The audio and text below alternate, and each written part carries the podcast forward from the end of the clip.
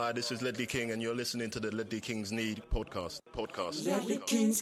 Konsekvent, inkonsekvent Det bästa som någonsin hänt. Du kommer aldrig bli dig själv igen min vän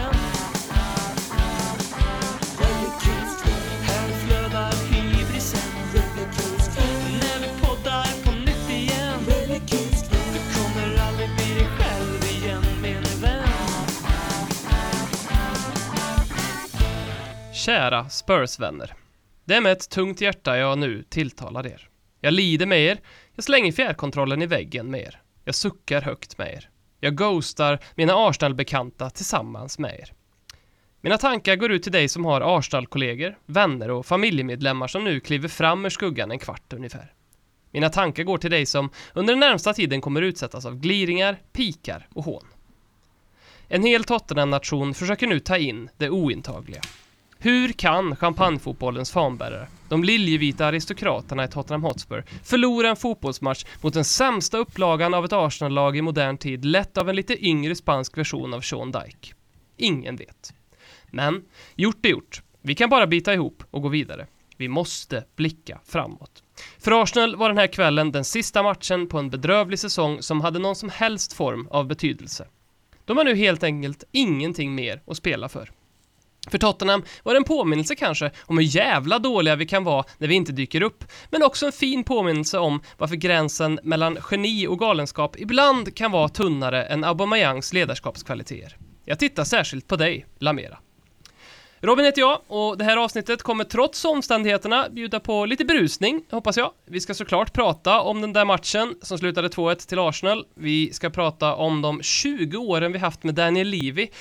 Och sen ska vi prata om odling, eh, Pochettinos citroner och skratta åt de andra lagen i topp 6. Med mig för att dra ballen över gruset den här veckan är inget mindre än den pedagogiska halvargentinaren Robbie Keens tvillingssjäl bosatt i Sveriges 17 största stad. Mannen som delar initialer med busiga morfädrar. BM, hur är läget? Mina associationer till busiga morfädrar eller konnotationer är ju, blir ju snuskigt direkt. Vi går in med ribban höjd här så att säga i det här avsnittet. Ribban Eh, höjd också. Ja, ja, det, det har jag också lite associationer till. Eh, precis som min ribba var det hårdaste någon har skådat ungefär sisådär en halvtimme spelade idag i dagens North London Derby. Och Mm. sen trodde jag ända tills det hände, det äntligen hände, Erik Lamela tar ett rött kort. Och han gör det genom att armbåga en liten tunt i Arsenal. Och han gör det i samma match som han hade gjort en Rabona. Alltså det... Alltså jag, alltså jag är lite krasslig så jag, när han gjorde ett mål och började dunka mig själv på bröstkorgen, vet som schimpanser gör när de ska visa att de är manliga. Och jag kräktes nästan så jag kanske har covid, vem vet. Men jag kan bara säga så här, det var många kroppsvätskor som kom ut idag på grund av Erik Lamela och jag är här för att försvara honom, jag är här för att försvara Davison Sanchez och jag är här för att bevisa att eh, Matt Doherty inte är vare sig irländare eller Tottenham-spelare. Men att han är Arsenal-supporter. Korrekt. Eh, ett äkta Lamela hattrick helt enkelt. Inbytt, mål och Rött. rött, kort. Eller, alltså höjs nu insatsen för vad som är ett Lamela hattrick? Att man ska bli inbytt, man ska göra en Rabona och man ska få ett rött kort. Det kanske är så det, det nya hattricket lyder, helt enkelt. Ja, det brukade ju vara ja, här inbytt assistmål, men eh, egentligen, eller nej, nej, nej, gult kort assistmål. Eh, Men det är ganska snabbt har det blivit där, när kommer det röda kortet? Och det är nog många Manchester United-supportrar idag som är väldigt glada. Eh, Och säkert en del Amela hatare där ute också som är väldigt glada. Eh, Eftersom att de inte hade så mycket att komma med där i första halvlek. Men Och det Den- är ju så jävla gött tycker jag. Alltså, jag, jag, när jag läser det här Lamela-hatet eh, på Twitter, jag minns att jag kände så när vi dängde till United med 6-1 och han fick Martial utvisad. Alltså jag, jag bara myser när jag läser det. Jag, jag, jag vill inte ens gå in och kommentera det, jag bara sitter och tittar på det. Mm, gott, tänker jag. Nej, men det, som var, det som var så tråkigt idag, alltså förutom det faktum att han får ett kort. Jag tror inte det påverkar matchutgången överhuvudtaget. Eh, snarare att vi är närmare att få 2-2 tack vare att han får ett kort. För det verkar som att Kane fick någon sorts nedtändning då. Men, Mm. men eh, det som är så tragiskt är att se att han åker ut för en Han, han, han eh, sköldar bollen, han är uppe med armen som han, som han ofta är. Det är ju någonting han medvetet gör, han kommer ofta undan med det. Men fan Erik Lamela, du hade chansen. Du, domaren ville visa ut någon. Han hade nog fått snappat upp i hörsnäckan att han missade en ganska stygg tackling av Kane precis innan. Eh, Som faktiskt, om man ska vara lagblind för en gångs skull, eller inte vara lagblind för en gångs skull, är ju den borderline men, för rött. Men eh, han, ville, han ville göra sitt avtryck på matchen, Michael Oliver. Han gjorde det. eh, Och eh, han tar ut Lamela för någonting som i Lamelas värld inte ens är i ett halvt gult kort. Och han ger ett andra gult för det. Och jag hade ju hoppats att Lamela skulle tagit tillfället i akt och liksom satt dobban i knävecket på Xhaka eller en riktig armbåge så att det flög ett par framtänder på Tierney åtminstone. Men vi fick åtminstone se det. Mm. Vi ska se, på tal om rött kort så ska vi bara säga det ifall det är någon som funderar på varför eh, det var väldigt tyst på Twitter kring Ledley Kings knä i och under match så är ju alltså så att vårt Twitterkonto i skrivande stund är precis som Erik Lamela avstängt.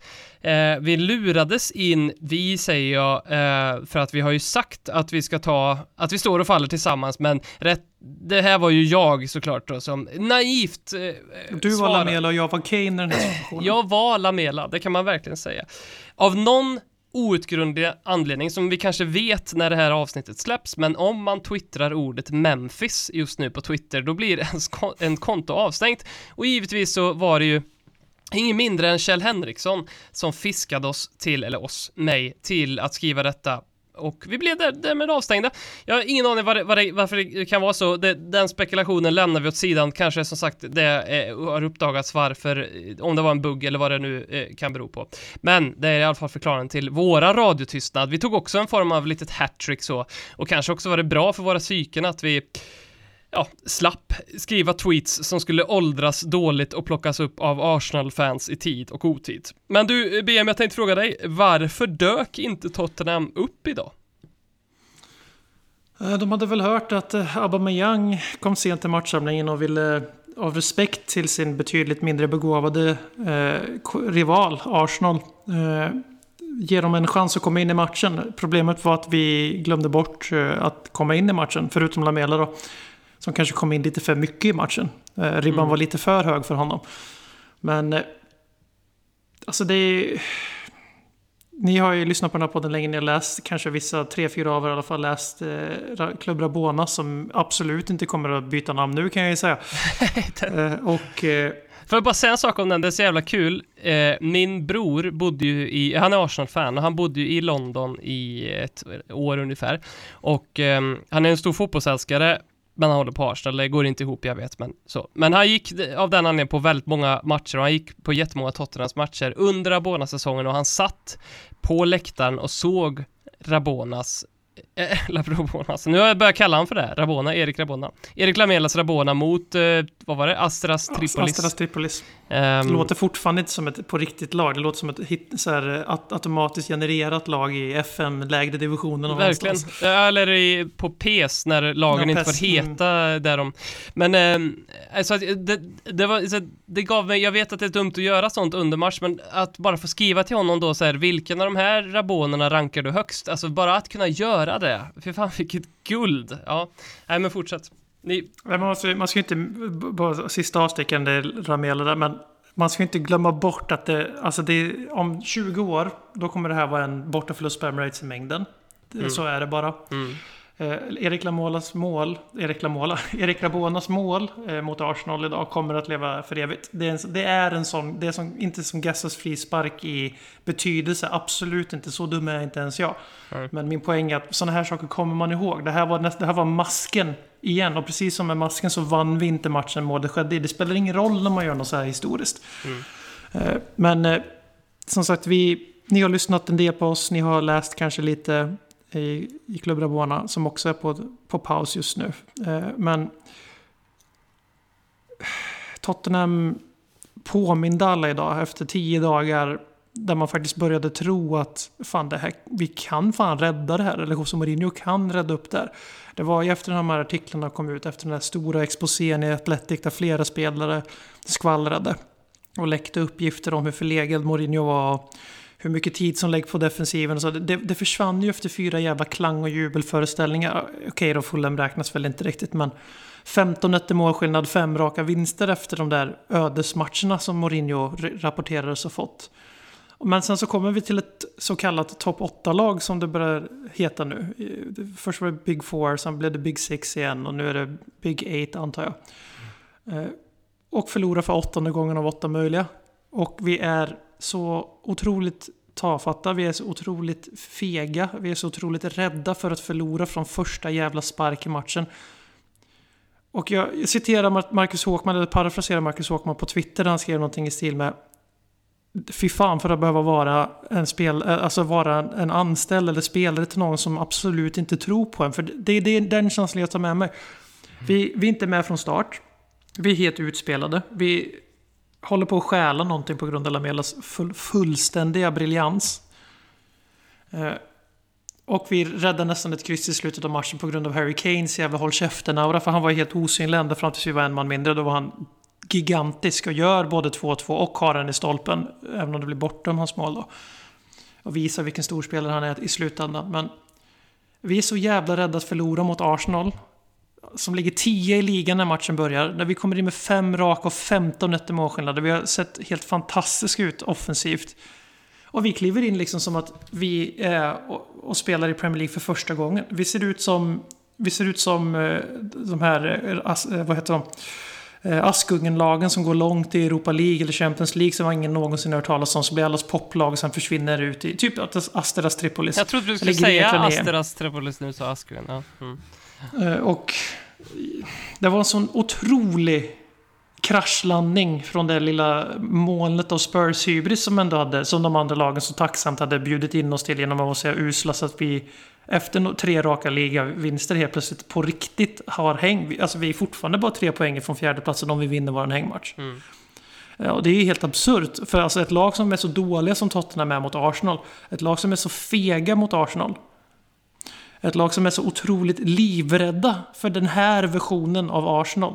Har ju ingenting med en topp 4-strid att göra. Och det var, ja, det, det, var en nyttig påminnelse för mig i alla fall. Att man ska aldrig ändra sig. Utan man ska alltid vara helt in, inringad i sin eh, ringhörna och aldrig ändra åsikt. Så nu, Mourinho out. Nej. Eh, jag tänkte på att under tiden vi hade Pochettino som tränare, om vi gick ut och gjorde en sån här insats som vi gjorde i första halvlek, då blev det direkt väldigt uppenbart att man tog ut det på spelarna. För man visste att så här vill ju inte Pochettino att det ska se ut. Han vill ju att vi ska dominera oavsett vilka vi möter. Han vill ju att vi ska gå ut och pressa, vi ska ut och ha bollen, vi ska tro på det, vi ska ha passion. När, när det såg så dåligt ut så jag slets i tanken liksom me mellan är det här något Mourinho har instruerat spelarna att vara försiktiga och ligga lågt? Eller är det spelarna som inte lever upp till Mourinhos krav eller vart är problemet? Och jag har, jag har inte, jag vet, jag, jag kan inte ställa en diagnos för jag vet verkligen, jag, jag tror varken spelare eller Mourinho vill att det ska se ut så, så här, se ut så här. Och det är ju det som är lite förbryllande tycker jag att med liksom bakgrund av de matcherna vi har dominerat den senaste tiden, varför skulle Mourinho vilja ställa bussen då på Emirates så här? Det tycker jag är konstigt. Um, Sen så sista 15 minuterna efter, var det 15 minuter, men det var väl något sånt där, när, efter eh, Lamelas röda kort de lämnar ju mig med ett stort jävla frågetecken så här. Okej, okay, om vi, när vi bara visade lite puls, när vi visade att vi ville gå för det, då blev Arsenal livrädda, höll på att skita på sig och bara gav bort frisparkar i eget straffområde och slog fel passningar och bjöd in och låg, alltså, hade vi spelat, vi hade dominerat hela matchen om vi hade gått ut med den andan och det gör mig lite irriterad liksom. Och varför syntes inte det sig från halvtid? Eller varför syntes inte Mourinho längs sidlinjen i första tydligare och, och liksom, hallå, vakna liksom. Men det, det var inte, och det, det, det, här lämnar lite frågetecken. Alltså, vad var det egentligen som hände här?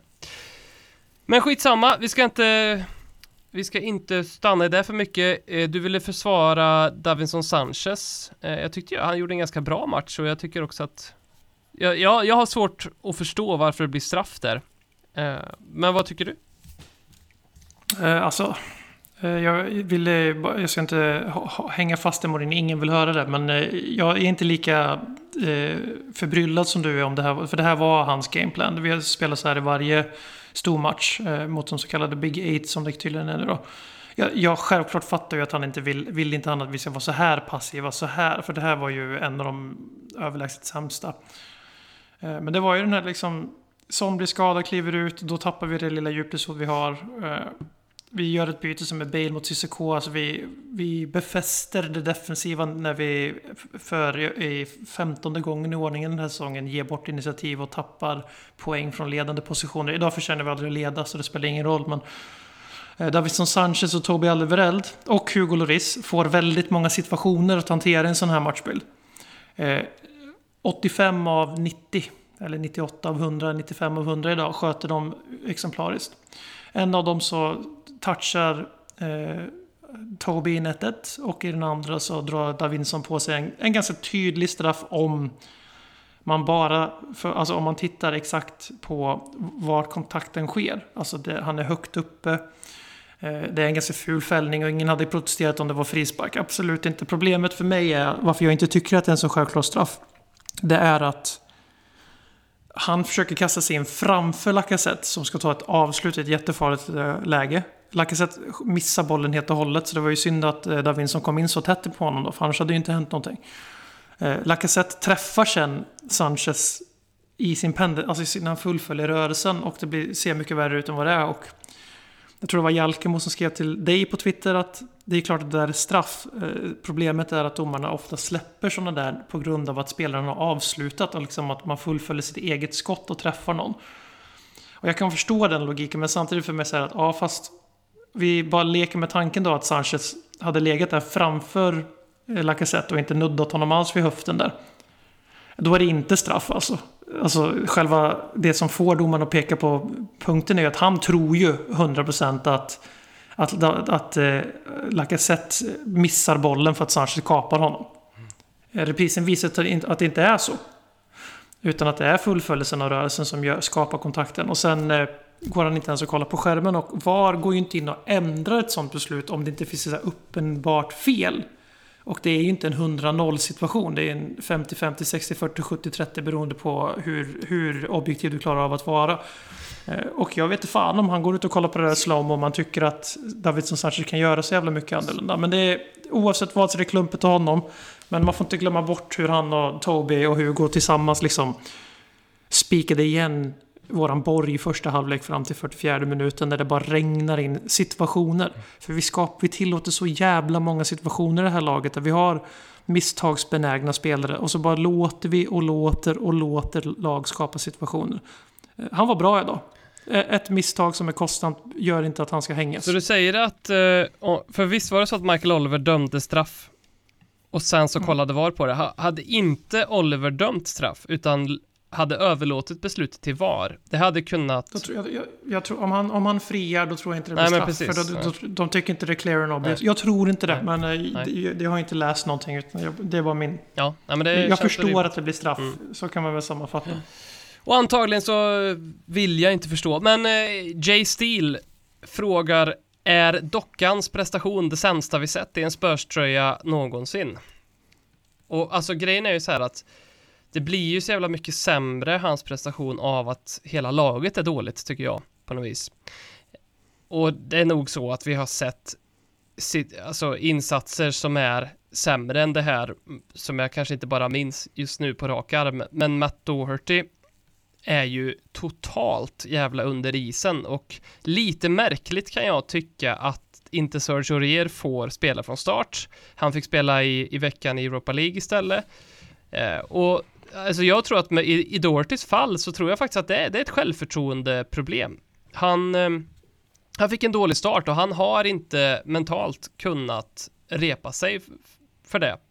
Eh, efter det, helt enkelt. Eh, Han fick sin när han som 28-åring skrev på för Tottenham vet han att det här, det här är det proffskon- eller proffskontraktet har han ju alltid haft, men det är det här stora kontraktet, den stora transfern jag får i min fotbollskarriär. Det är den största klubben jag spel, kommer Ja, spela men för. precis. Hade han varit 22-23 år nu så kanske han liksom hade ganska snabbt kunnat ta sig tillbaka igen för att tänka, ja, ja, men jag får fighta så får jag få visa att jag liksom verkligen är relevant kommande 10-12 åren här nu. Men, men nu, alltså han, han är ju, Sergio Rier och Tanganga borde ju vara före honom i rangordningen.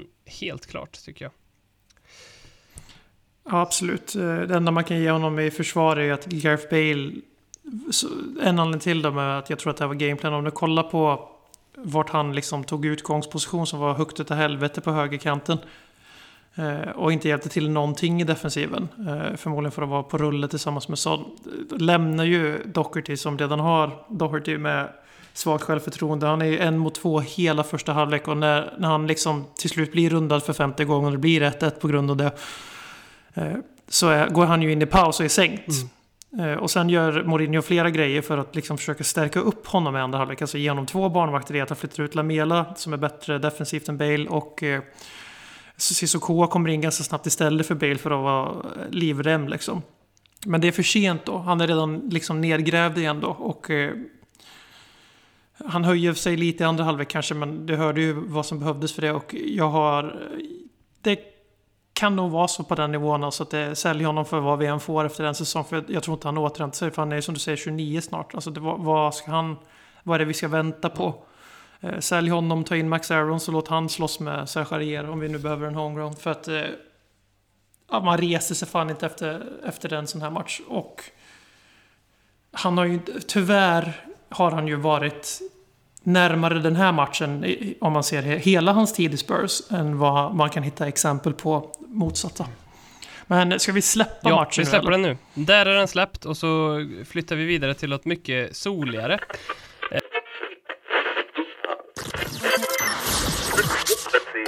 Du lyssnar på Ledley Kings knä. Du kommer aldrig bli dig själv igen. BM, odlar du någonting hemma? Eh, förutom, eh, som- vad heter de som du vet, dammtussar. Mm, dammråttor? Mm, tussar? Nej. Nej. Dammråttor har vi ett gäng. Du odlar lite lamela-kärlek kanske? Ja, ja den, eh, det, det trädet växer sig metervis varje dag. Källsorterar du?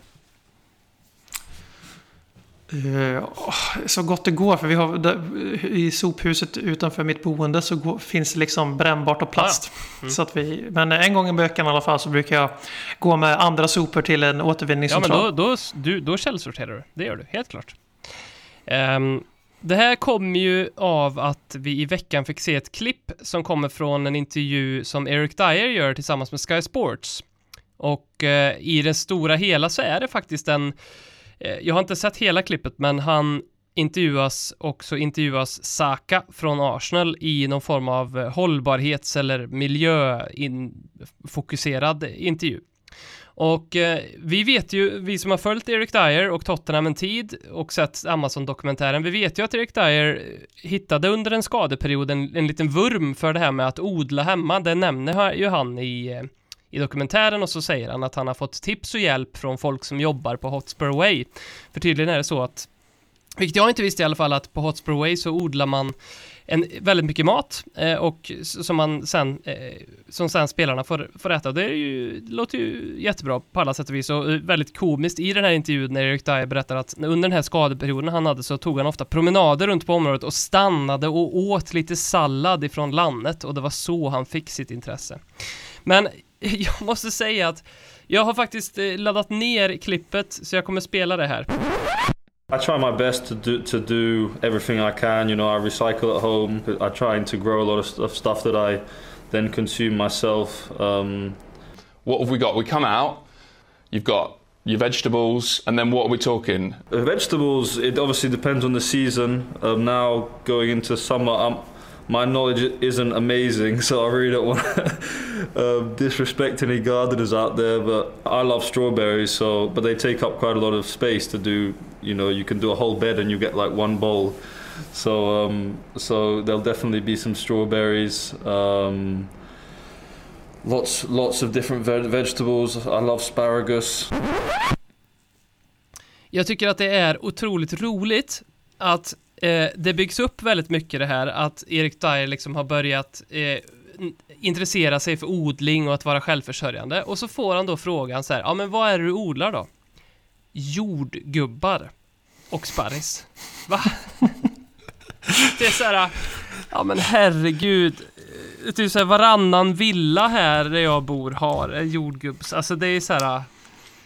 Det är lite gulligt nästan, men fan vad besviken jag blev. Jag trodde han skulle säga så här, ja, vi, i, i mitt hushåll så är vi nu självförsörjande på liksom eh, spenat och spannmål, All, alla, alla, och- alla grönvaror och eh, även en hel del kolhydrater tänker man liksom. Och så bara, här har du lite, eh, lite, vad ska man säga, tillbehör till glassen. Men, eh, men, men du förstår ju liksom vad det, här, det här innebär. Det här innebär ju liksom att ribban är så låg. Den är så låg för att en fotbollsspelare ska få intervjuas i Sky Sports för sitt intresse och sin, håll, sin miljömässiga inriktning och hållning.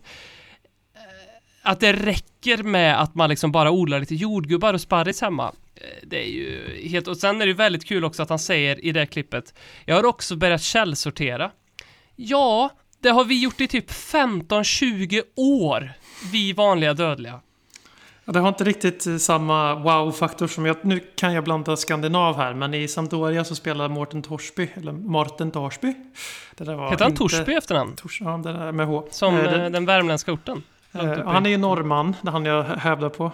Uh, Martin Torsby. Jag, jag kan inte prata bättre än så. Eh, och han, om jag minns rätt nu i, ett, eh, i en intervju med, med Offside för något år sedan så eh, ville han vara lite mer miljövänlig. Så att han eh, istället för att flyga till Genua, han hade designat det, så tog han sin miljövänliga bil och åkte alltså genom hela Europa. Alltså flyttade med bilen själv. Eh, och sen även då att han cyklar liksom överallt. I, I alla fall i klubben han var innan som tog det. Så cyklade han till liksom från plats A till B till träningsanläggning sådär. Inte tog bilen och... och Det luktar ju lite bergkamp eh, flygrädsla över det också.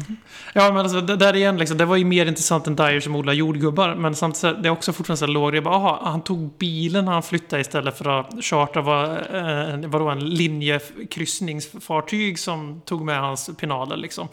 Mm. Så att det, du, har du är något på spåren där. Typ som alla allsvenska spelare som inte bara fikar två, tre gånger om dagen eller spel, och spelar Fifa resten av tiden. Eh, så, så fort det finns en sån allsvensk spelare så blir det ju världens grej. Ja men precis, det är det som jag, jag tycker är så jävla trist. Alltså, jag, jag kräver inte av alla fotbollsspelare att vara Marcus Rashfords. För i, i hans fall så har ju nästan, det finns ju till och med en debatt om att kanske har Rashford liksom lagt så mycket krut och fokus på politiken nu så att det påverkar han i, i fotbollen. Och det är en intressant debatt eh, i, i vad man ska tycka om det, men, och det ska vi inte ge oss in på nu. Men jag, jag kan ju inte kräva att alla ska engagera sig och göra eh, si och så. De har ju full rätt att göra sin, av sin tid vad de vill. Men jag inser ju när jag såg det här vad, vad låg ribban är. Alltså, Toby Aldvirel köpte iPads under coronapandemin. Det framstår ju liksom som värsta Jesus-grejen när jag hör det här. Och sen så har vi också lärt oss eh, att, eh, ja, då antagligen Eric Dyers piss luktar riktigt äckligt, för det gör det ju när man äter mycket sparris. Så eh, då vet vi det, och så äter man mycket jordgubbar också, så pissar man ju mycket. Så konklusionen utöver det, att ribban är jävligt låg för, för sådana här saker, så kan vi också säga att Eric Dyer pissar troligtvis väldigt mycket just nu och det luktar äckligt.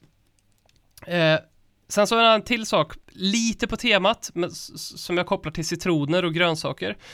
Eh, The Athletic postade en artikel om Pochettino som såklart var jätteläsvärd och som man ju läste med en jobbig smak i munnen på ett sätt eftersom att det, här kom den en, ganska grävande text. Mycket av det hade man ju koll på redan, som till exempel de här Southampton-spelarna som pratade om hur mycket han krävde av dem. Alltså det hade man ju läst under tiden han jobb, jobbade i Tottenham, men det var ju en hel del nya saker som kom fram där. Och kanske var det för att jag blundade för detta under tiden han, han eh, tränade Tottenham, men det kom ju också fram att han var lite, vad ska man säga, Vidskeplig. vidskeplig ja.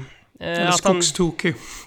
Ja, eh, det var mycket, det var lite sådär, han, han tror på det här med att det finns positiva energier i universum man kan ansluta sig till och på, på, på ett sätt kan jag ju se att det kan också vara liksom eh, det kan vara, det kan vara fint att tro på att det finns positiva eh, Ja, positiva saker att, att välja i livet. Men sen så, eh, som ett konkret exempel så hade han ju alltså då en skål med uppskurna citroner alltid inne på kontoret för att han ville skrämma bort ond energi. Och det här får mig lite att omvärdera Pochettino lite grann. Eller lite grann, jag vill inte omvärdera han, lite se, kanske är det lite tacksamt också att nu, nu känner man så här att det känns mer okej att vi har gjort slut. Jag, jag vet inte. Nej, alltså man får ju som en person som kanske inte håller sånt där jättehögt. Eh, eh om, man säger, om man säger så. Så blir det lite så här. Den jordnära känslan försvinner. Men samtidigt vet ju inte vi liksom hur djupt rotat det här kanske är i argentinsk kultur eller något sånt där. Det är kanske jättevanligt där. Och då blir det här liksom man sitter och dömer det från andra kulturellt ingångsvärde och allt vad det är. Men det är ju lite konstigt att lägga citroner i en vattenskål för att hålla onda andar borta. Det, det är svårt att tycka någonting annat. Och framförallt undrar man ju vad fan borde han inte ha omvärderat det efter hans sista sex månader i klubben? Mm. Eller hade han liksom fyra, fem citronträd i tränarrummet och det var därför han surade till och inte var på träningsplan lika mycket? Och, eh, vart var de här citronerna när Kane gick sönder inför Champions League-finalen? Vart var citronerna när Danny Levy sa nej, nej, nej, det blir ingen värvning 2018 för dig? Antagligen så var de där på skrivbordet, men eftersom att citroner inte kan påverka ting utanför sin lilla skål så hände inte ett jävla piss. Det är väl antagligen så det är. Det var Mourinho har. Grejen är att jag just, just med det här med Mourinho så tror jag att han är jävligt sådär, alltså jag tror inte han tror på någon form av bullshit överhuvudtaget liksom. Förutom sin egen eh, taktik. Ja, men jo, det är möjligtvis det.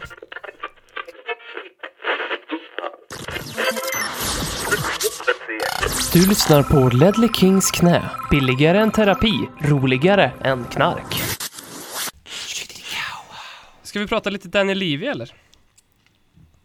Ja, eh, Daniel Levy har varit våran chairman i typ mm. 20 år.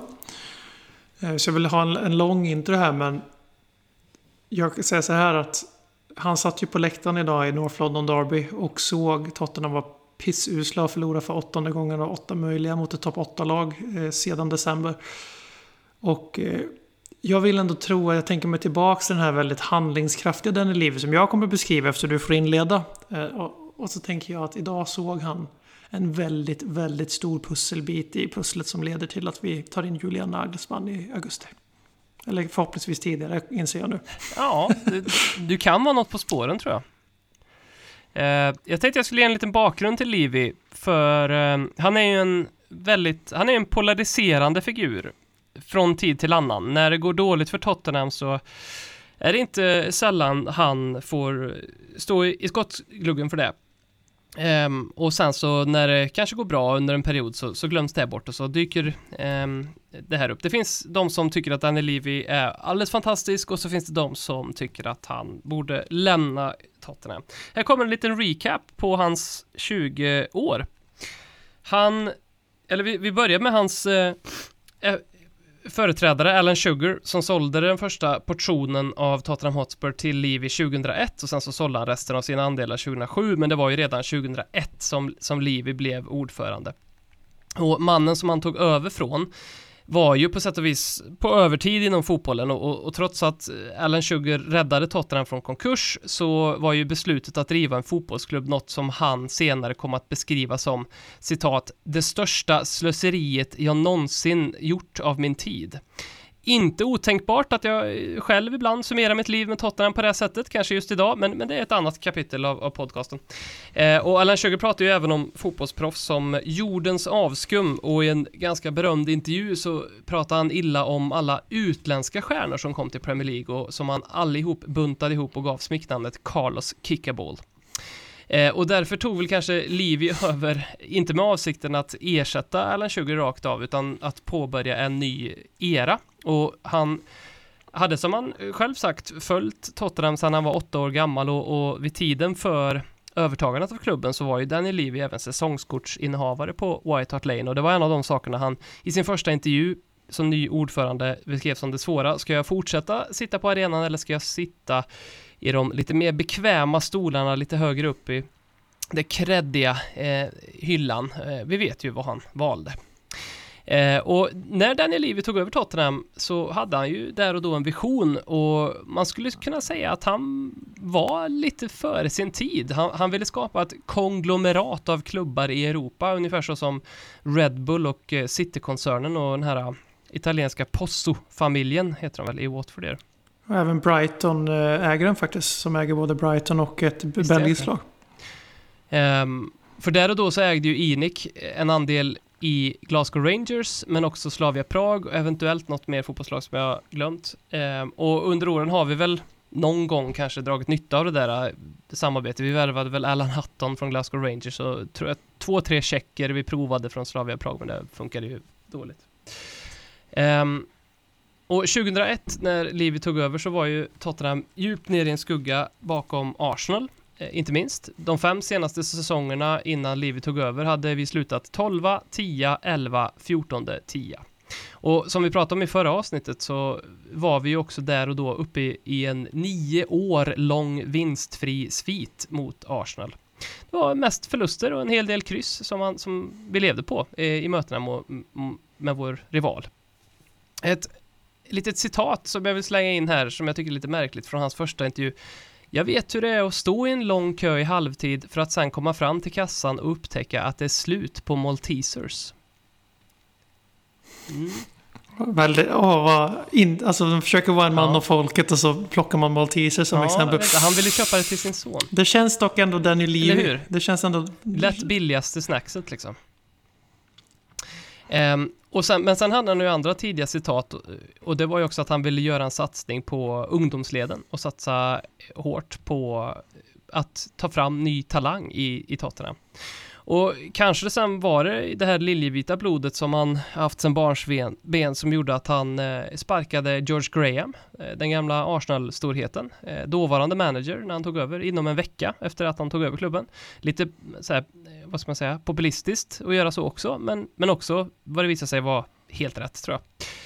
Trots det, ganska tuff start för Liv i Tottenham. Vi blev 12 i hans första säsong och sen så lämnade Sol Campbell som bekant för Arsenal. Eh, lite uppförsbacke för, för Levy. Paul Barber som har jobbat nära honom sa nyligen i en intervju här att det första Daniel Levy pratade om när han tog över var att han ville bygga världens bästa arena och världens bästa träningsanläggning. Och Levy har ju fått mycket kritik, inte minst senaste åren här för att han inte satsar lika mycket sportsligt som man gör affärsmässigt. Och han har ju alltid hävdat att så inte är fallet, att det sportsliga är lika viktigt, men vi har ju mer eller mindre ganska så svart på vitt att de ekonomiska affärsmässiga framgångarna han rönt vida överglänst de, de sportsliga framgångar han, han har åstadkommit i sin tid i, i klubben. Och nu tänker jag citera Jesus Perez, eh, Pochettino, hans högerhand som eh, nyligen sa att det kom en tid då vi insåg att visionerna oss och Livi emellan var olika. Omständigheterna kring klubben gjorde att de inte kunde ge oss de sportsliga förutsättningarna vi behövde för att fortsätta bygga vidare. Antligen var, antagligen var det omöjligt att investera både i laget samtidigt som man gjorde träningsanläggningen och arenan. Vilket ju inte var första gången i så fall för bara ett par år tidigare så hade ju Harry Redknapp utmanat om en ligatitel och eh, sagt att vi behöver en ny mittback och en anfallare, Livi. Och Livi pungar ut Louis Saha och Ryan Nelson för att försöka lösa eh, ligaguldet för Tottenham. Um, men titlarna kanske är det det enda som har saknats. I årtiondet innan Livi tog över så slutade Tottenham aldrig topp 6. Nu har vi gjort det 13 säsonger av de 20 som han har varit i klubben. Vi har gått till CL-final, vi har varit en konstant ute i Europa de senaste 15 åren. Så vrider man lite på perspektivet så skulle man också kunna säga att moset finns, men grädden saknas, titlarna, titeln saknas. Och vi är ju också idag en av världens bäst skötta klubbar ekonomiskt. Vi har träningsanläggningen tidigare arenan i yttersta världsklass bara det här, Tottenham värderades till 200 miljoner kronor när han tog över och idag är vi värderade till 20 miljarder kronor. Det är en jättehäftig ökning. Sen ska vi också lägga in brasklappen för eh, det är ju så att pengar har ju bara vält in i den engelska fotbollen så det är ju inte enbart tack vare Livi men, men mycket tack vare kan vi säga. Och vi har en trupp som för några säsonger sedan var den högst värderade i Europa och det som kanske är mest imponerande rent affärsmässigt är att Livi har gjort den här transformationen utan att ha sökt investeringar utifrån utan han har helt enkelt gjort det genom att satsa rätt eh, på Tottenham och bygga Tottenham som, som varumärke. Vad, vad säger du BM till, vart står du om du behöver ta ställning här på ena änden eh, Livi out, på andra änden eh, behåll till varje pris. Var, vart, vart är du någonstans och hur skulle du vilja eh, sätta betyg på honom? Uh, om vi ska hålla oss till extre, extremåsikterna så är det definitivt behåll till varje pris. För vi vet inte vad alternativet är. Uh, jag ser Mourinho-anställningen som uh, alltså för svår för honom att återhämta sig från. Alltså inte att han inte kommer att sparka honom, för det kommer han att göra. Eh, om vi skulle misslyckas den här säsongen och inte ens nå topp 6, vilket skulle vara vår sämsta då på 13 års ålder eller något sånt där.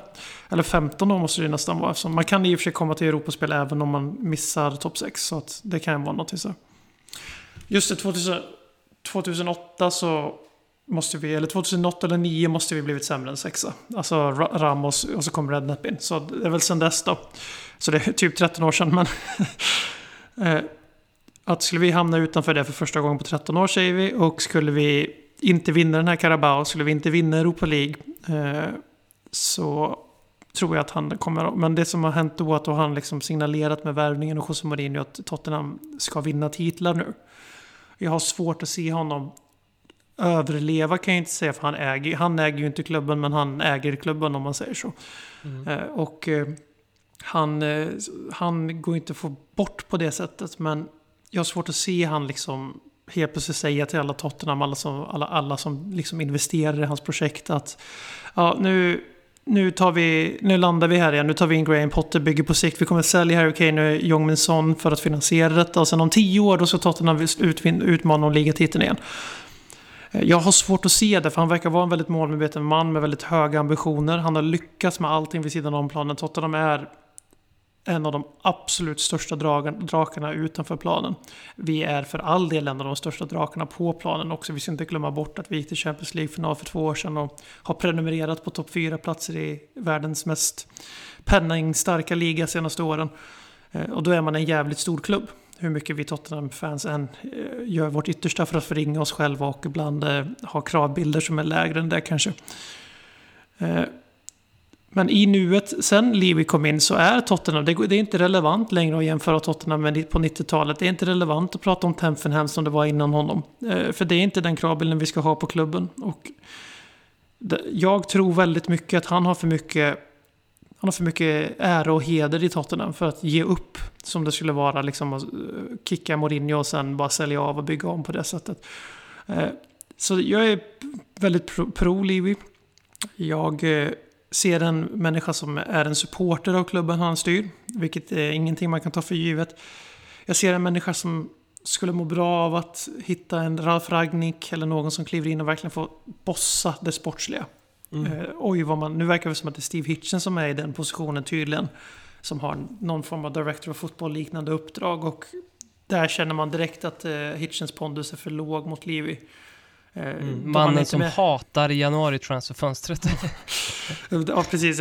Han har inte med mycket i den här dokumentären, men bara det klippet liksom visar ju att det är Levi som call the shots i slutändan. Men, eh, sen är det ju så här att Danny Levy kan självklart göra saker bättre. Och jag tror absolut att det, det ska vara en rakare väg till den eviga äran att vinna Premier League med en annan ägare. Eftersom att, i alla fall om det inte funkar. För jag tror inte vi kommer komma så mycket närmare vi gjorde med Pochettino när vi gjorde det på ett hemvävt sätt, ett kostnadseffektivt sätt. Eh, utvecklingsfokuserat. Vi misslyckades, vi kom väldigt nära men vi misslyckades. Liverpool såg att det räckte inte och de pumpade in rätt stora summor i sin trupp. Eh, historiskt stora summor för att vara Liverpool och det räckte då. Jag vet inte, och då kommer vi ner i det som allting i mitt supporterskap kommer ner till. Liksom, vad är jag värd att ge upp för att vinna titlar och kunna skryta på Twitter? För det, är- det är ju faktiskt där vi är i modern fotbollssupporterskap. Att ganska mycket av det levs ut på Twitter. Det kan ju inte röra mig mindre i ryggen när en Arsenal-supporter påpekar att inte vi har vunnit ligan. Eller, eller en Arsenal-supporter ska på riktigt hävda att Aubameyang petar på grund av disciplinskäl i North London Derby är bättre än Harry Kane för att han vann, han vann FA-cupen förra säsongen. Ja, men Alltså- det har de, det har de har insett det själva nu att det är, Danny. Ja, det hände senast i veckan tror jag, för, för nå- om det var mitt eget konto eller om det var vårt konto, det kommer jag inte ihåg. Men Otroligt. eh, senaste, det var en, det veckan som gick här, men så jag vet inte, alltså det, han får väl en fyra för att eh, vi har inte, vad var du sa, grädden på moset. Det finns få, jag, jag, kan inte, jag kan inte komma på en enda eh, styrelse eller företag eller person i världen som jag hellre har än Danny Levy. Och om jag inte har en ersättare så är väl inte jag rätt man att sitta och sabla ner honom. Sen så gjorde han ju ett stort, så som jag ser det, ett enormt felsteg här när han tog in José Mourinho. Han visade att han brister lite i den sportsliga förståelsen. Han försökte ta konstgjord andning på ett, ett lagbygge som var dött. Och det har gått sådär. Eh, samtidigt är det här samma man som när han fick höra att Newcastle på att värva Luka Modric framför fötterna på oss. En spelare vi hade scoutat i evigheter och varit riktigt heta på. Eh, som satte sig på ett privatjet till eh, Zagreb för att plocka hem eh, Luka Modric och löste det. Det här är samma person som fick för sig att Gareth Bale ska komma tillbaka till Tottenham. Och löste det. Han är samma person som aldrig varit nära att sälja Harry Kane de senaste åren fast eh, det, borde, det bör ha kommit in bud. Nu har det ju varit lite rapporter om att det inte kommit så mycket bud på honom just för att det har varit så tydligt liksom att vi Tottenham säljer inte sina bästa spelare inom ligan längre och det är de enda klubbarna som har haft råd. Eh, och vi får se, jag är, jag är lite rädd och det är väl här varför jag inte kan ge en full betyg, sammanfatta lite. Jag är lite rädd för att när det väl ställs på sin spets, när Mourinho-projektet uppenbarligen eh, går mot sitt oundvikliga slut som jag ser det, då är jag lite rädd att han faktiskt gör det, precis så att han absolut inte kommer göra det. Men att han säljer Harry Kane, eller Son, eller båda två. Och tänker framåt, tar in en ung, lovande manager. Tar in en ny Baldini, tar in en ny Arnesen. Vi har haft sådana här förut, Comoli kanske det var snarare. Och så försöker sälja ett projekt igen för att han vet att det funkar för Tottenham. Alltså vi kommer aldrig försvinna, våra Nej. supportrarna. Det är klart vi inte gör det. Eh, och jag ska vara helt ärlig, jag, jag trivs i Tottenham som en utmanare som spelar charmig fotboll. Som är tillräckligt bra för att ta på allvar alltid. Eh, men är lite för dåliga för att ha titelkrav. Och, och det, för det är väldigt bekvämt att vara i den rollen som supporter. Du kan liksom inte förlora nästan. Nu känns det ju de senaste åren som att vi har saker att förlora. Vi håller på, och det är därför den här säsongen känns så alltså, orimligt tuff. Såklart. Men jag är tyvärr lite rädd att när det väl ställs på sin spets, trots allting jag har sagt, eh, när det väl ställs på sin spets så kommer han att göra precis det. Och då kommer han att visa en gång för alla liksom att det är alltid eh, börsboken som går först. Men tills det är bevisat så liv in för guds skull. Liv in, framförallt med tanke på alternativen där ute. Jag tror att eh, många av de som, som är starkt liv out, de är det för att de upplever att han sätter det affärsmässiga före det sportsliga. Och det kan man förstå. Absolut. Men då är också det är ganska viktigt att det finns inte en enda, och då, då kan jag säga det här med 100% övertygelse, det finns inte en enda ordförande i ett enda Premier League-lag som inte gör det. Skillnaden är att man har lite olika strategier för att i slutändan nå sportslig framgång. Levi bygger det finansiella först, bygger upp en sta- stark struktur, infrastruktur runt klubben för att sen ta, ta kliv för kliv, lite mer långsamt, lite mer långsiktigt. För om man tänker på det, de konstanterna i toppen av Premier League, det är ju Manchester United som alltid varit där, det är Liverpool som alltid varit där, det är Arsenal som alltid varit där och sen är det Chelsea och City som har köpt sig den biljetten. Och det är absolut också ett sätt att göra det på. Så får vi in ägare som bara pumpar in pengar, då skulle vi också vinna ligan. Pumpar in pengar då för att köpa spel, då skulle vi också vinna ligan. Så jag tror att en del av den här kritiken kommer på grund av att City och Chelsea faktiskt är där, för där är ett tydligt exempel på, här är klubbar som kommer, inte från ingenting, men från väldigt mycket lägre nivåer än Tottenham och vinner ligan, vinner kupper och köper de mest attraktiva spelarna.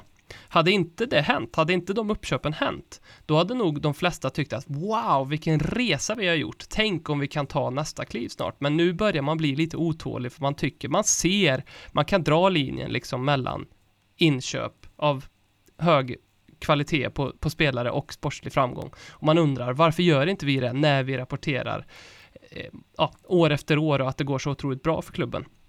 Och det är väl någonstans där också. Jag skulle också, jag tror också jag skulle sätta en fyra för att jag tycker att han, jag tycker att det är lite orättvist att säga att Daniel Levy inte har satsat eh, tillräckligt på, klubben, det är med några undantag där han liksom verkligen misskötte liksom, det var väldigt tydligt att han inte fokuserade på värvningar när vi höll på att färdigställa arenan och det är ett jävla underbetyg för då måste någon annan gå in och göra det.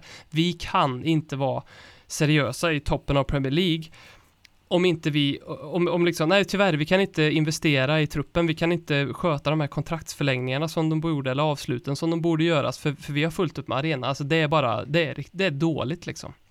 Men jag är inte beredd att, att ge upp på honom heller för det, för att, alltså, om, om vi ska vara lite cyniska, vad, vad, vem tar över? Vad händer när, när liksom de här lite mer kortsiktiga ägarna tröttnar. När om Roman Abramovic skulle vilja sälja Chelsea och inte hittar en köpare, han kommer vara otroligt osugen på att investera i det här laget då tills han hittar en, en köpare. Och det kommer få följden av att Chelsea kommer bara rasa ner i seriesystemet. Så det är jag mest rädd för med att en typ oligark eller eh, något, någon, någon sån förening köper, köper Tottenham.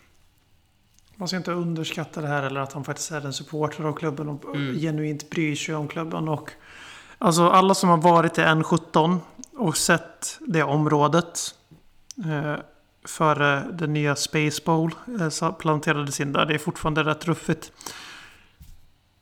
Det här är alltså en... Det är så mycket större. Nu vill inte jag sitta och säga more than a club. This means more sådana plattityder som alla klubbar tror att de är unika med och som vi alla supportrar sväljer för att vi vill tro det. För att det är viktigt för vår identitet och våran eh, självkänsla och värderingar av oss egna som människor helt enkelt. Att det vi står så bakom, det som vi lägger ner så mycket tid på, det vi älskar så mycket så att vi, det går ut över vårt privatliv när det går emot. Eh, och förgyller det när det går med. Eh, det är viktigt sådana grejer. Och, men här är det verkligen så att det här är en stadsdel i London som Första gången jag var där, jag bara wow, tog andra världskriget slut här i, liksom nyss? Det såg inte ut att ha tagit ett spadtag där sen blitzen. Och då menar jag inte för att det var ruiner överallt och bombrester, absolut inte överdriva. Det, bara, det såg inte ut som an, många andra delar av London om man säger så. Där har han byggt upp ett gigantiskt jävla arenamonster med storflygna planer som är att bygga, by- alltså rusta upp hela området. Och alltså Tottenham som klubb är livsviktig för det här området och har varit så ända sedan White Hart Lane. Det är över hundra år i vår historia. Eh, Och nu, var, nu vet vi ju att Danny var en av dem. Nu, samt, det verkar ju dock som att det var ganska mycket för att sätta press för att få bygga den här arenan. Men när han liksom på riktigt ansökte om att få ta över OS-arenan och sådär. Eh, att men tänk en liknande situation. Det kommer ju aldrig behöva ske på grund av att arenan står där som ett minne över Danny Levy och vad han har betytt för Tottenham för resten av hans liv och vårat liv och längre förmodligen. Mm. Men lek med tanken att det kommer in en ägare nu och vi hade haft kvar White Hart Lane och så bara Ja, här, fan, det här är inte värt att bygga nytt här. Vi, fan, vi bygger en ny arena två mil utanför London. För där finns det mycket mark, det är mycket billigare. Vi behöver få in en ny arena för mycket pumpapengar. Vi lämnar en 17. Noll Jag förstår. sentimentala band till området liksom. Då blir det ju så. Och jag förstår att det kan kännas tomt argument eftersom vi var seriösa med våra planer på London Stadium. Men det blev det inte så. Och vi, med tanke på hur länge, länge han har haft de här planerna med New White Hart Lane. Så fan vet hur seriöst det var. Alltså, det kan varit eh, ett spel också för att sätta press på typ kommunen eller liknande att ja, godkänna byggloven i för att det som du säger, det ska ju verkligen gudarna veta att Tottenham som område, alltså om, när nyheten för dem kom ut kanske att Livi funderade på att flytta hela kalaset till, till en annan del av alltså de, då är det det går liksom under. Ja, Stadsdelen går under. det är liksom eskaleringar högst upp i näringskedjan liksom. Eh, hallå, det här får inte hända. Så att det kan också vara ett, ett, ett schackdrag av Livi, att han hintat om det. Men, men jag tycker, en, om jag får avsluta med en, något som ger mig, skänker mig lite förhoppning, för jag ser ju också det här, jag kan också bli trött på Livi från tid till annan, liksom varför satsar vi inte mer på och varför är inte truppen bättre skött? För vi har mycket dödkött och vi skulle må bra av eh, mer kontinuerlig nytt blod, kontinuerligt nytt blod. Det som skänker mig lite hopp är att hans strategi för att bygga laget har ju ändå skiftat från tid till annan. Så det gör att jag känner att okej, han har snålat möjligtvis eller varit väldigt riskmedveten tidigare. Nu kanske efter, nu hjälper ju såklart inte pandemin, men efter pandemin när vi kan sälja ut arenan, det ska liksom alla veta att den arenan är den arenan i hela Premier League som inbringar mest intäkter på matchdag av alla arenor. Så när den kommer igång och rullar igen, det är möjligt att Livi börjar öppna upp och säga okej, träningsanläggningen är där, arenan är där, nu är det dags att ta, också ta, ta hit de allra, allra bästa spelarna till klubben och sköta den här truppen eh, som om det vore, ja, en förskoleklass. Så, så, så, en till sak om Tottenham och Danny Levy och det här. Alltså det, du beskrev ju en ganska tydlig resa det, det, faktiskt. Och den hade i en annan liga eh, redan mynnat ut i flera titlar. Kanske med undantag i Spanien. Även om Atletico Madrid får sägas ha gjort en relativt eh, liknande. Eh, nu är jag, bottnar inte jag i den spanska fotbollen, absolut inte. Jag ska inte sitta här och låtsas. Men eh, min poäng här är att hade inte vi spelat i världens mest penningtäta och penningstinna liga där det bara pumpas in miljarder och där tv-pengarna är värda mer än vad hela ligors omsättning är. Då hade det räckt. Alltså, det är ganska formidabla jävla motståndare. Alltså Pochettinos Tottenham gick upp mot två av världshistoriens bästa lag. Liverpool och City de säsongerna. Mm. Uh, alltså, Eh, när, när, vi, när vi föll av, då pikade de två och tog liksom 100 poäng, 95 plus i alla fall tre säsonger i rad, eller vad fan det var båda två.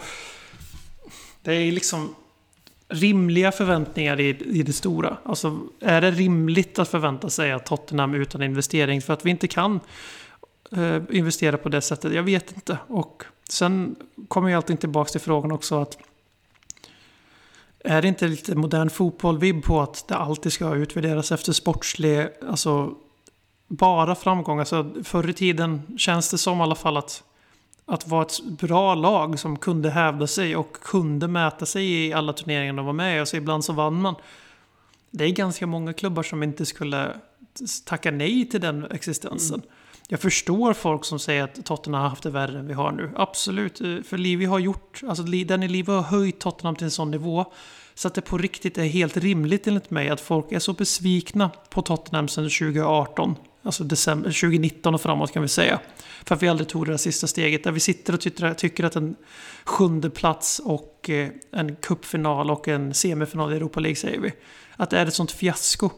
Alltså, bara det i sig att folk har den genuina upplevelsen att fan, nu, nu är det länge sedan det var så här illa. För att man har höjt förväntningarna så mycket på Tottenham på grund av regelbunden framgång och tillväxt. Att, eh, att folk tar det här, alltså de förväntar sig det här av Tottenham nu. Mm. Och spola tillbaka till 2001, 2002 när han kommer in ungefär exakt samtidigt som jag hittar klubben.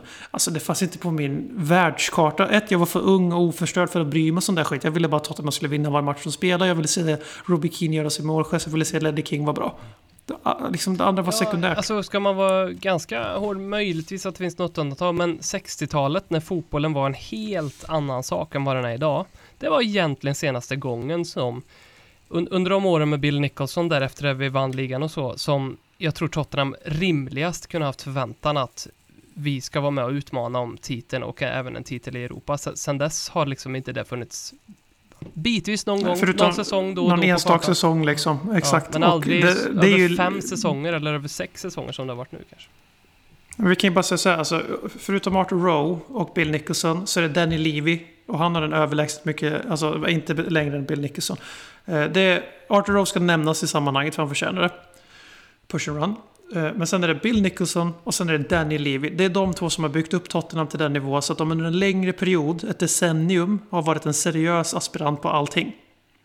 Det säger ganska mycket om vad han har gjort för Tottenham. Mm. För, det, för det är faktiskt så, rent fakta. Men det är bara att gå och kolla på ligatabeller och hur långt vi gick i cuper och alla. Skillnaden är att Bill Nicholson lyckades vinna två ligor. Danny Levy som inte är manager har inte gjort det. det men vi är ju på, på samma plattform igen. Vi är uppe och väljer på samma hylla. Jag menar, när Bill Nicholson gjorde sina stordåd, och ingen skugga över Bill. Men det här är ändå 15 år före Malmö FF spelar eh, Champions League-final mot Nottingham Forest med 11 skåningar i startelvan. Mm. Alltså fotbollen har förändrats. Alltså Danny Levy har gjort enormt mycket för Tottenham och om han lämnar eh, Be careful what you wish for. För att eh, det, det är högst 50-50 att, att det bara fortsätter och att det fortfarande är våran klubb. Och det här sitter vi som svenskar i Sverige och säger. Du kan ju tänka hur det känns för alla alltså Londonbor som har Tottenham till hjärtat. När det helt plötsligt är en amerikan säger vi för det är mest så här eh, fisljummet och safe att säga en amerikan kommer in som har noll relation till klubben. Vill bara se framgång placerar ut en sportchef som plockas utifrån externt. Gör det jättebra. En Monchi säger vi så som folk såg på honom för han misslyckades utanför Sevilla. Eh, som bara kommer in, styr upp, vi vinner lite grejer och ingen ska sitta här och låtsas som att vi inte kommer att älska det. För det kommer vi. Men det kommer aldrig vara samma sak igen. För det är först då, där och då som Tottenham på riktigt lämnar den 17. För då, då, är, det helt, då, då är det inte ah, förankrat där längre. Det är lite spännande att vi har den tiden framför oss. Alltså att vi får utforska just det, den delen med supporterskapet. För den har man funderat Det på är- många gånger så Det är här. jättespännande. Hur, hur ska, kommer jag reagera ifall vi får in en, ja, som Cityägare, en Abramovic eller något som bara häller, hur kommer jag, vad, vad för relation kommer jag med Tottenham? Det blir spännande att vi har det framför, framför oss, eventuellt. Det har ju alltid känts eh, senaste åren att eh, Iniks slutmål har varit just det. Alltså Mm. att sälja klubben till slut. För en sjuhelvetes vinst mot när de köpte den. Och, så vi var så kaxiga att säga att före 2020-talet är slut så tror jag inte jag att eh, Daniel Levy och Inik är kvar med Spurs. Det får nog avsluta debatten, detta om Daniel Levy. Vad tycker du om eh, Daniel Levy? Skriv gärna om, på, om dina tankar på vår Twitter. Vi är ju tillbaka snart. Eller skicka snigelpost eftersom vi inte eh, finns på Twitter. Så kommer Robin att läsa era brev här nästa vecka. Hans adress är... Jag läser alla mina Eh, mejl. eh, Covid Lane 18 82 lägenhet 026. Jag odlar även jordgubbar i en liten låda på balkongen så jag är lite sådär miljömedveten och check med I'm with the time så att säga. Vi tar skratta åt topp 6. Let's laugh at the top six. They are really shit.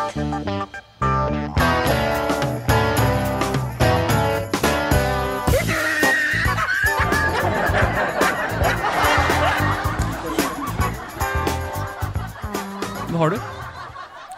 Alltså, går att skratta på någonting annat än Tottenham just nu. Ja, ja det, det, det här får du inte skratta åt Tottenham.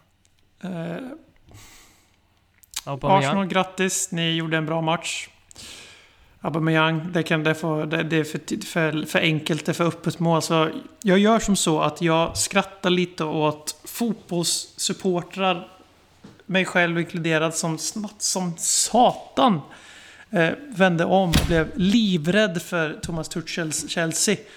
När han kom in och de bara dominerar och vinner varje match och har inte förlorat sedan han kom in. Och oj, oj, vad bra de är. Och de ligger hela tre poäng före Tottenham fucking Hotspur om vi vinner vår hängmatch. Som vi inte kommer göra.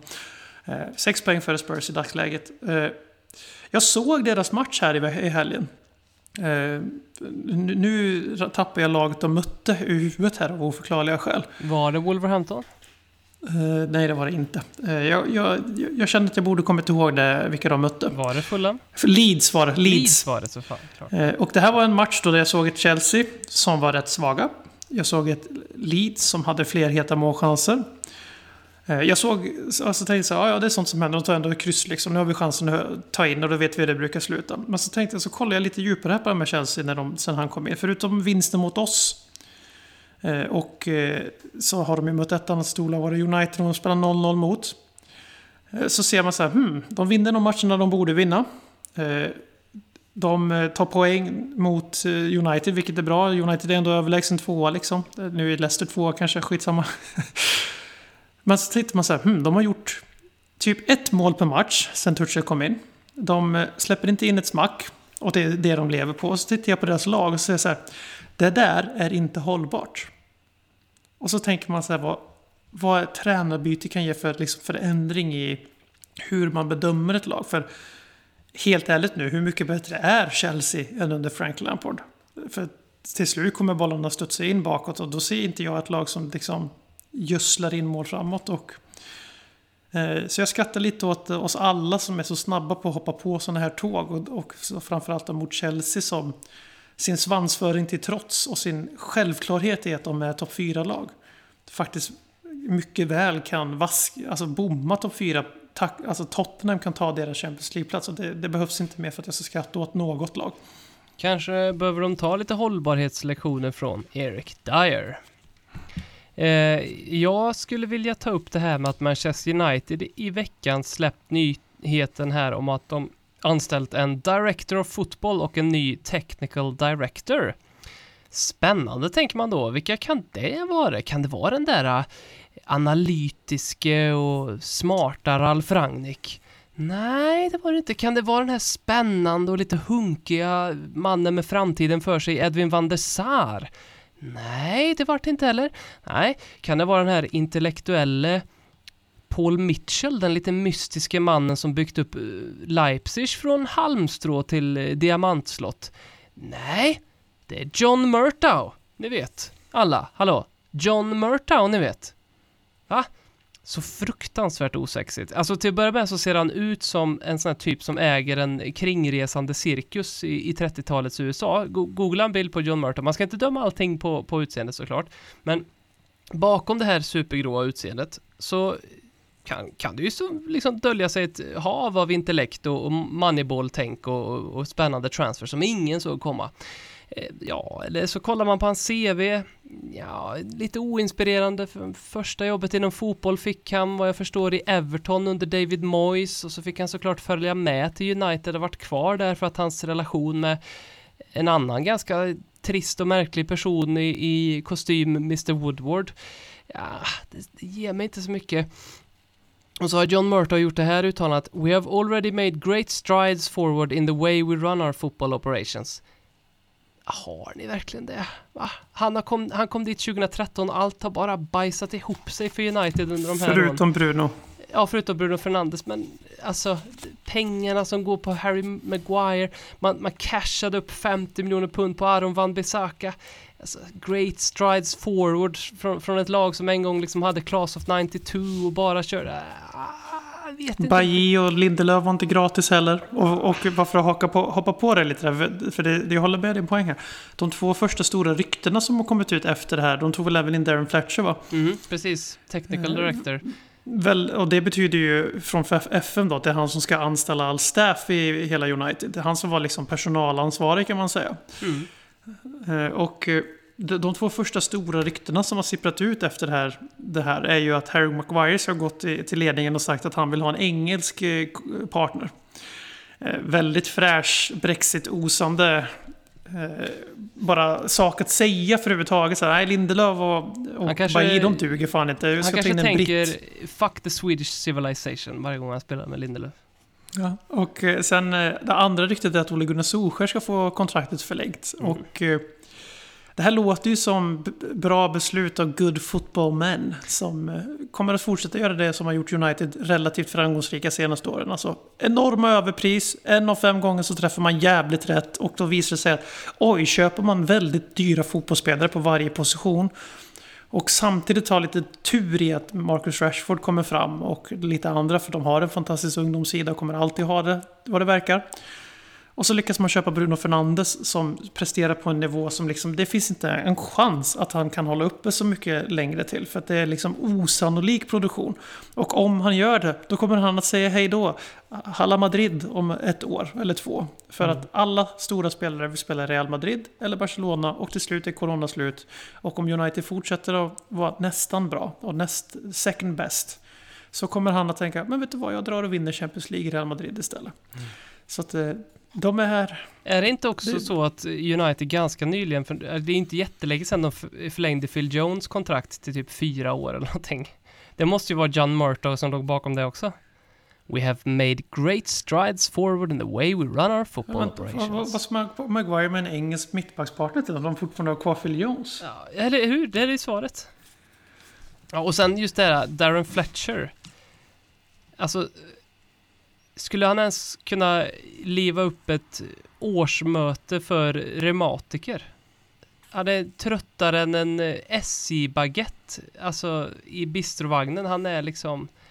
Är det här, när man tittar på de här två gubbarna, är det här som är liksom ansiktet utåt för den nya Manchester United, den här gigantiska fotbollsinrättningen? Nej, det väljer jag att skratta åt. Sen så måste jag ehm, tipsa alla Arsenal, City, Chelsea, United, Liverpool-fans om. För det skrivs ju väldigt mycket fina ord om Chris Wilder just nu. Hans eh, avgång, Sheffield United-tränaren.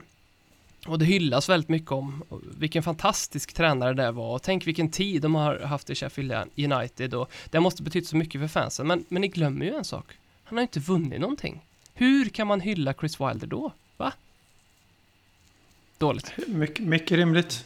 Mycket rimligt. Vi alla vet att Juan de Ramos är en bättre fotbollstränare än Ja, ja. Mauricio Pochettino. Och José Mourinho. För José Mourinho har inte vunnit någonting i Tottenham. Nej. Det gjorde Juan de Det är Ramos. det enda som betyder någonting. Så Chris Wilder har ju varit skräp. Vi avslutar väl med några lyssnarfrågor. Arvid, du får gissa vilket datum du tror Mourinho får sparken. Vänta, eh, sjung lite eller något så jag bara kolla när sista matchen för säsongen är. Det är någon gång i maj här. Åh, så jag längtar. Fy fan, jag räknar ner dagarna. Konsekvent, inkonsekvent. Ludvig Bästa Kings som knä. Du kommer... Vi har- Jag tror det bästa, den finaste komplimangen jag någonsin... 23 maj. Jag tror antingen fyller min pappa år då eller så fyller Filip Forsell år då. Eh, min kumpan. Och, och det kan bli en jävla fin födelsedagspresent för någon av dem. 23 maj. 23 maj. Förutsatt att vi missar topp 6 för annars blir gubbjäveln kvar. Och då blir det någon gång i höst. Jag tror att det blir den eh, 22 oktober 2021. För att han kommer få sommaren på sig att bygga ett nytt lag. Och sen så kommer inte det funka och då kommer han få kicken. Eh, nu tar vi två helt andra frågor. Morten, kan du snacka lite om katter? Har det kan vi katter? absolut göra. Eh, två, ett fantastiskt sällskapsdjur, eh, katten. Eh, tar hand om sig själv i det mesta. Man får ta deras bajslådor bara om de är inne i katt. Kul. Eh, rumsrena när de kommer hem, till Ja. skillnad från be- människobebisar. Ja. Eh, skriker det inte lika högt på nätterna så man får sova mer. Ja, klöser och trampar på en när man ligger och sover klockan 4.30 på morgonen. Hänt. Ja, om man har dörren öppen så att de kan komma in. Men barn får man ju, har jag förstått, inte låsa ut från sovrummet när de är små. Så att, eh, det kan du göra med en katt. Ja, sant. Eh, Och sen eh, är det absolut bästa att de är så otroligt optimistiska inför Tottenham. Så att när jag sitter i soffan i North London Derby den här säsongen där mitt humör har varit... Jag vet inte om det är någon annan form så här, livskris som gör att jag har så svårt att tycka om den här säsongen.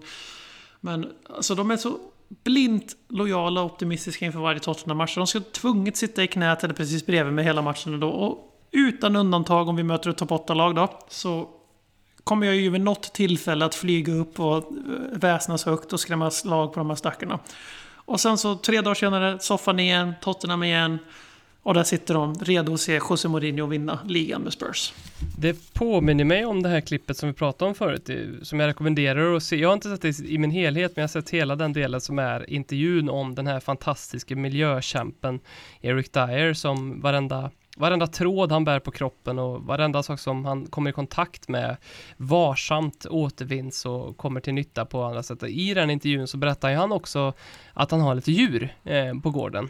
Och eh, då säger han I have dogs as well. Så, och så sen säger han but, but I'm, I'm not gonna eat them. Och så skrattar han och tittar på reporten lite på ett sätt som att så här, nu, nu, nu när jag liksom har fått ett annat perspektiv på det här så inser jag att det, det han har i sin hjärna då som är, för det gör man väl inte va? Man äter väl inte hundar? Eller?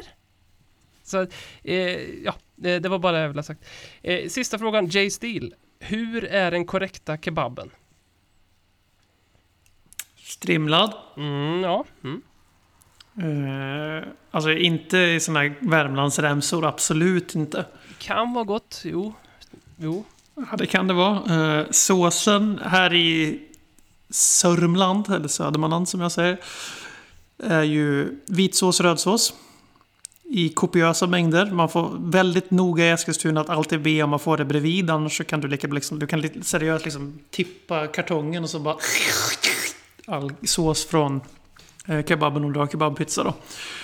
Eh, jag är ju spenderade stor del av mitt liv i Skaraborg. Eh, region ganska nära Göteborg. Där kebaben är strimlad på ett annat sätt än här. Och i Värmland. Såsen är någon form av röd och vit sås. I samma bytta. Exemplariskt kryddad varje gång. Perfekt för alla. Och det finns liksom olika nyanser som faktiskt är skillnad. Och eh, vill ni åka på pizzaturné så åk till staden Lidköping vid Vänern. Eh, inte Linköping vid Vättern som jag fått förklara sig sådär sju miljarder gånger i mitt liv. Herregud, jag har så lite respekt för folk som inte förstår skillnaden på Lidköping och Lidköping. Va? Inte jag heller. Det, alltså vad Och- fan? Get a grip. Och eh, gå på pizzaturné. Det finns en pizzeria var 50 meter känns det som. Eh, Och, nej. ni, som kommer, Säg ni som kommer från Värmland och Sörmland vet ju på en gång att... eh, Ni kommer veta direkt att oj vad vi har levlat upp. Så jag väljer Göteborgssidan av kebab kontra Stockholmssidan. Egentligen är det dock bäst i Malmö. Men jag har bara ätit kebab där två gånger så att jag, jag är inte så trovärdig. Det är falafel man ska äta i Malmö. Men ehm, Ja, det är också gott. vad heter det, vad tänkte jag på? Eh, säg inte att Lidköping också har fastnat i den här eh, klassiska fällan som jag tror alla, det finns inte en enda så här mellanort i Sverige som inte säger typ någon så här Jag tror nog att Lidköping är Sveriges pizzatätaste stad ändå. Det säger, Det är det säkerligen alla folk som har sagt. Alla Säkerligen folk som har sagt. och det är för att det inte finns någon undersökning, men det är bara någonting som stan behöver ha. Ehm, och, och sen så tror jag också det finns alltid en vurm för att pizza, pizzan är som, kebaben är som bäst där man är uppväxt, där man kommer ifrån. Ehm, ja, nej, så skicka gärna era förslag på, på den bästa. Vad tycker du om Londons kebab? Det har jag, jag har aldrig ätit kebab i eh, UK, det är ju så obefintligt. så att, Jag drar, jag, drar, jag drar mig också för att äta gyros utomlands kan jag säga. Ja, det, nej, men det är ju, det, där äter man ju inte sånt jätte, jätteofta. Det är ju mer indisk mat som är, indisk mat är ju deras kebab så att säga. Och Nandos. Ja. Fast det är ju inte kebab alltså, Nej, utan... nej, det något jag vet inte. Ja, ja, ja nåväl. Då är ett... Om det är någon, före du avrundar, om det är någon som tycker att London eller UK har bättre cuisine eller mat än... Eh, varför tänkte jag säga Finland? Var fan kom det ifrån?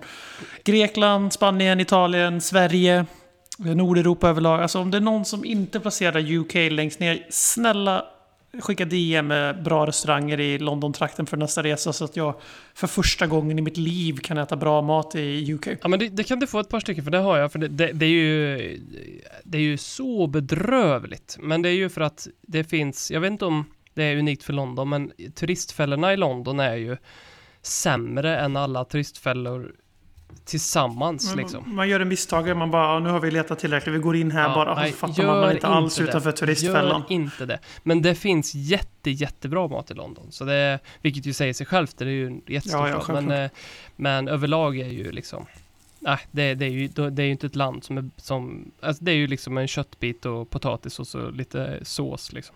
Grattis, kul. Vart, vart äter du helst i N17 om du äter där?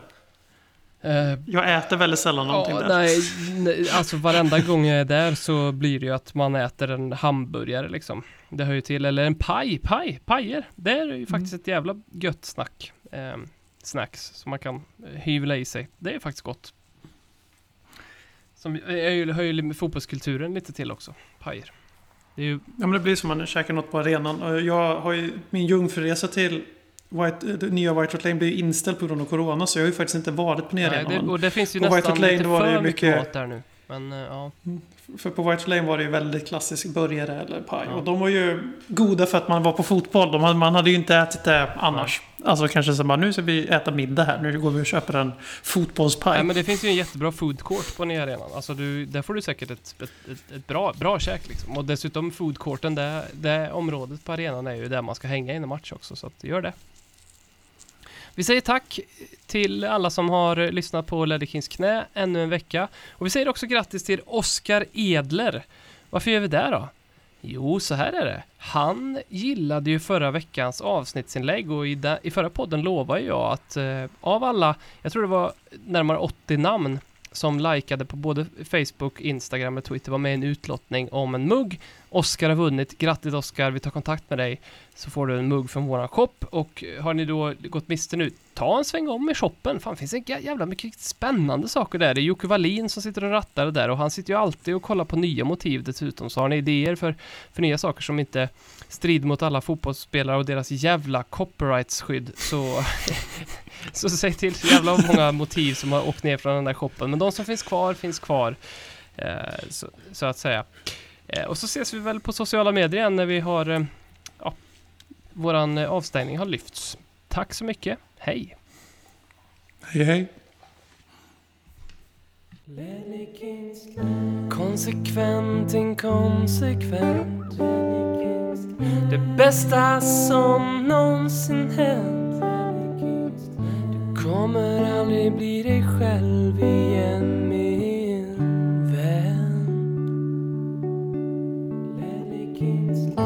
Här flödar hybrisen. När vi poddar på nytt igen. Du kommer aldrig bli dig själv igen.